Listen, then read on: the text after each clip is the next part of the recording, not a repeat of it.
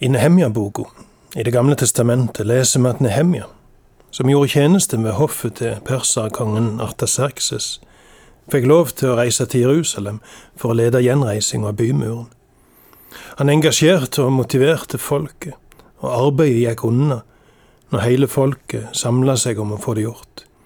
Men de som styrte naboprovinsene, var rasende over at Jerusalem skulle befestes.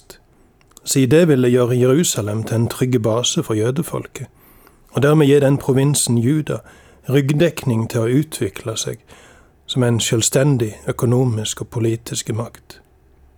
I forrige del så vi nærmere på den motstanden Nehemja og jødene møtte fra ytre fiender, både i form av trusler, spott og planer om angrep på byen, og i form av list og svik.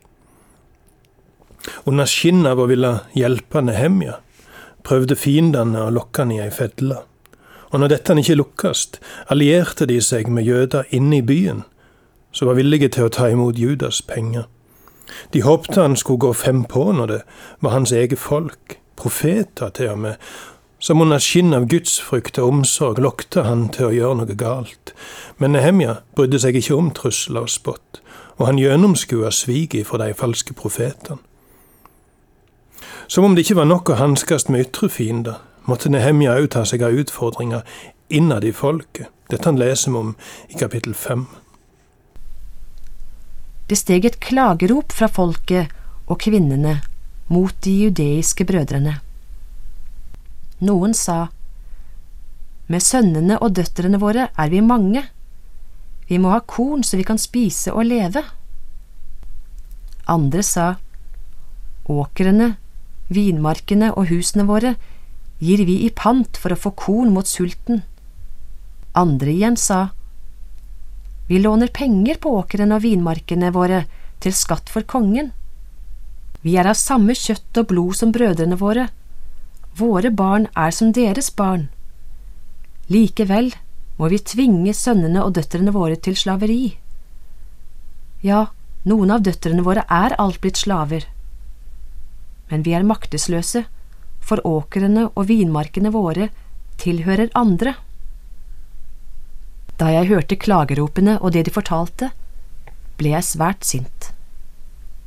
Men hjertet mitt ga meg råd, og jeg irettesatte de fremste og stormennene og sa til dem, Krever dere inn noe dere har lånt ut til deres egne brødre?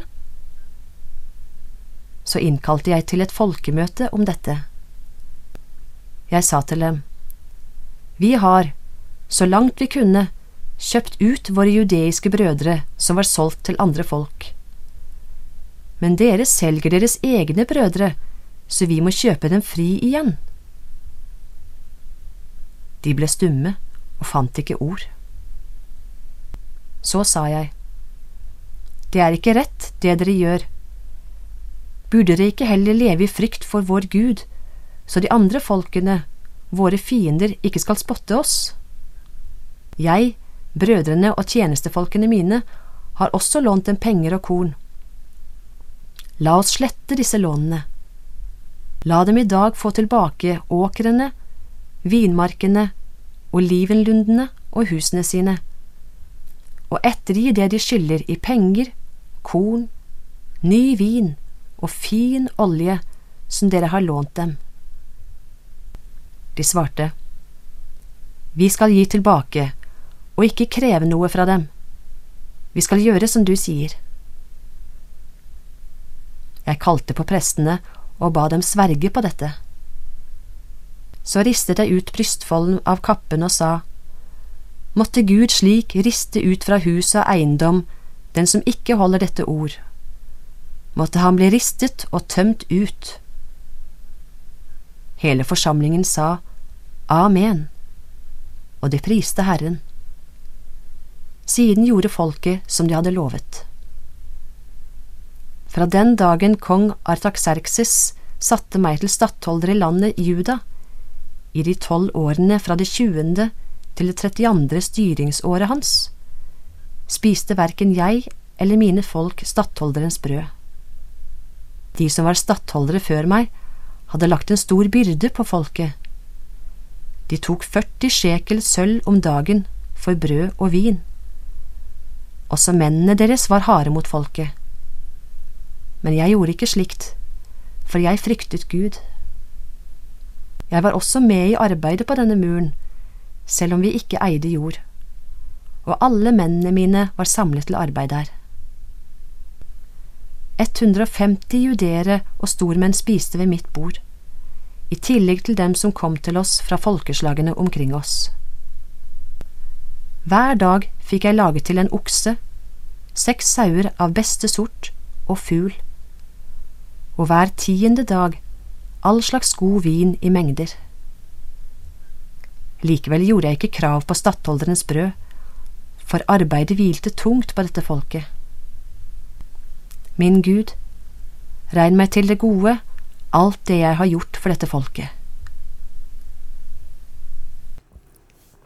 Klageropet vi hører om, kan for noen ha vært ei bønn om hjelp til å brødfø familier de ikke sjøl kunne forsørge, siden de var opptatt med arbeidet på muren.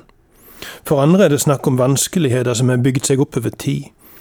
Tørke, svikt i avlinger, kan ha ført bøndene ut i vanskeligheter der de var nødt til å sette seg i gjeld. Andre har vært nødt til å ta opp lån for å betale den årlige skatten til perserkongen. De som ga disse lånene, krevde rente. Det var gjerne 1% i måneden, og pengene var, var lånt ut imot pant i jorda. Hvis bøndene ikke klarte å møte forpliktelsene sine, kunne utlånerne forlange at de måtte selge jorda til dem. Et desperat rop om hjelp kom òg ifra folk som hadde sett seg nøyde til å selge sønner eller døtre inn i slaveri for å skaffe penger til å betale gjeld. Klageropet var ikke retta mot perserkongen, men imot rikfolk i egne rekker, som så sitt snitt til å berike seg på bekostning av de som hadde kommet i vanskeligheter. Når bøndene ble nøyde til å ta opp lån for å holde liv i seg sjøl og sine, sto gjerne rikfolk mer eller mindre i kø og vifta med pengene, Enten ville de få de pengene tilbake med rente, eller så kunne gjeld være et middel til å sikre seg bøndene si verdifulle jordbruksjord for en billig penge. Det var et kynisk spill, og det er blitt gjentatt under alle himmelstrøk og til alle tider.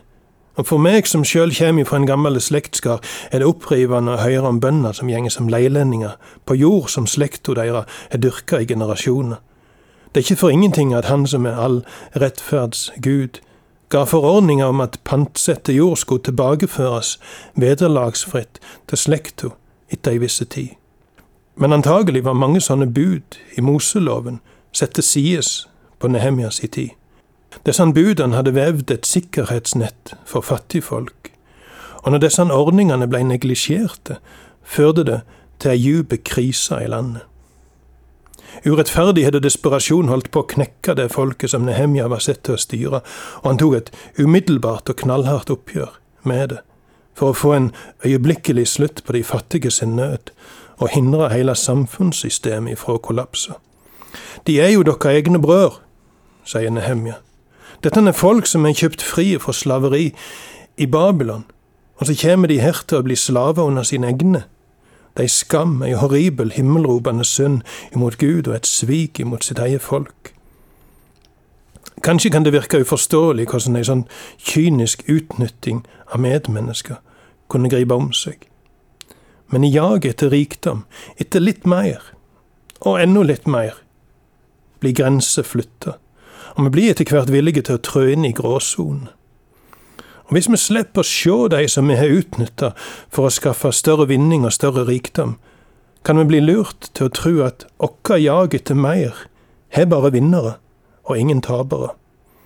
Eller vi lukker øynene for medmenneskene sin nød. Det er jo så mange rike, så lille meg har en forsvinnende liten del av skylda for nøden til de som skaper velstanden vår. Sånn kan vi ha lett for å tenke. Men Nehemja sette klare ord på uvesenet. Han samla rikfolkene og konfronterte de med synda. Både det direkte brådet med de ordningene i Moseloven som bygde et vern om de fattige, og han konfronterte de med kynismen og sviget imot sine egne. Og Nehemja gjorde to ting til, som er typisk for han. For det første kom han ikke bare med vage oppfordringer om at nå må vi gjøre noe. Han var veldig konkret. Slett gjelda Lever tilbake jord det har tatt fra bøndene. Slutt å ta pant i jord. Og for det andre, i tråd med Nehemjas i ånd, han gikk sjøl føre med et godt eksempel. Han sletta gjelda til de han sjøl hadde lånt ut penger til, og han tok ikke pant i jord. Men Nehemja gjorde enda mer. Han avsto ifra det underholdet som han som guvernør hadde krav på at folket skulle betale. Dette underholdet skulle dekke de løpende utgiftene ved hoffet, der hundrevis av mennesker var i tjeneste og skulle ha mat. Ut ifra det han forteller, kan vi anslå at Nehemja hadde ansvar for å brødfø mellom 300 og 500 mennesker hver dag. Når han avsto ifra å kreve underhold ifra folket, betyr det at han dekte matutgiften med hoffet av sine egne oppsparte eller arva midler. Det var ei enorm utgift, og ved å ta denne på seg sjøl sparte han folk ifra ei stor og tunge bør. Tidligere stattholdere hadde krevd dette han underholder, 40 sjekel om dagen. Nehemja er så storsinna at han ikke navngir disse forgjengerne, det er uvisst om de var persere eller jøder. I Nehemja 2.10 får vi høre at da Nehemja kom til Jerusalem, tok Sanballat og Tobia det ille opp at det hadde kommet en mann som ville israelittene vel. Disse ordene røper vel indirekte hva slags innstillinger tidligere guvernører hadde hatt til jødene. Gjennom denne boka får vi se flere og flere sider ved Nehemja sitt forbilledlige lederskap. Jesu ord om seg sjøl kunne òg vært sagt om Nehemja. Han kom ikke for å bli tjent, men for sjøl å tjene. Perserkongen hadde sendt mer enn et stort følge som skulle stå til tjeneste for guvernøren, men Nehemja la seg ikke på en mjuk divan og let tjenerne springe til og fra. I plassen satte han tjenerne sine til å arbeide på muren, og han sparte ikke seg sjøl heller. I kapittel seks ser vi at han støtt var på farten for å ha tilsyn med arbeidet og oppmuntre og rettlede de som arbeider på muren. Han kom ikke ut av klærne, sier han. Enten det var for å kunne være klar på kortest mulig varsel til å møte et fiendtlig angrep, eller fordi at han unte seg så lite hvile at han ikke tok bryet med å kle av seg når han la seg nedpå et øyeblikk. Han ofra for dette han folket og denne saken. Han ofra ære, komfort, status, anseelse, og han ga rundhånda av si tid og sine krefter og sin rikdom. Ifra andre historiske kilder får vi høre om Perserriket sin undergang. Om lag 100 år etter Nehemjas tid feide Aleksander den store fram og seira over perserkongen. Dermed overtok han òg det som han fant i perserkongen sitt skattkammer. 340 tonn med gull. Og 1500 tonn med sølv. Kongen hadde nok vært stolt over den store rikdommen sin. Men Nehemja hadde funnet noe som var mer verdt enn gull på kistebåten. Han hadde fått en hjertesak som gjorde at alt annet kom i andre rekke og blei middel i plassen for mål. Han levde og ånda for å fortjene Gud og hans folk. Skulle vi ikke prøve å ligne Han?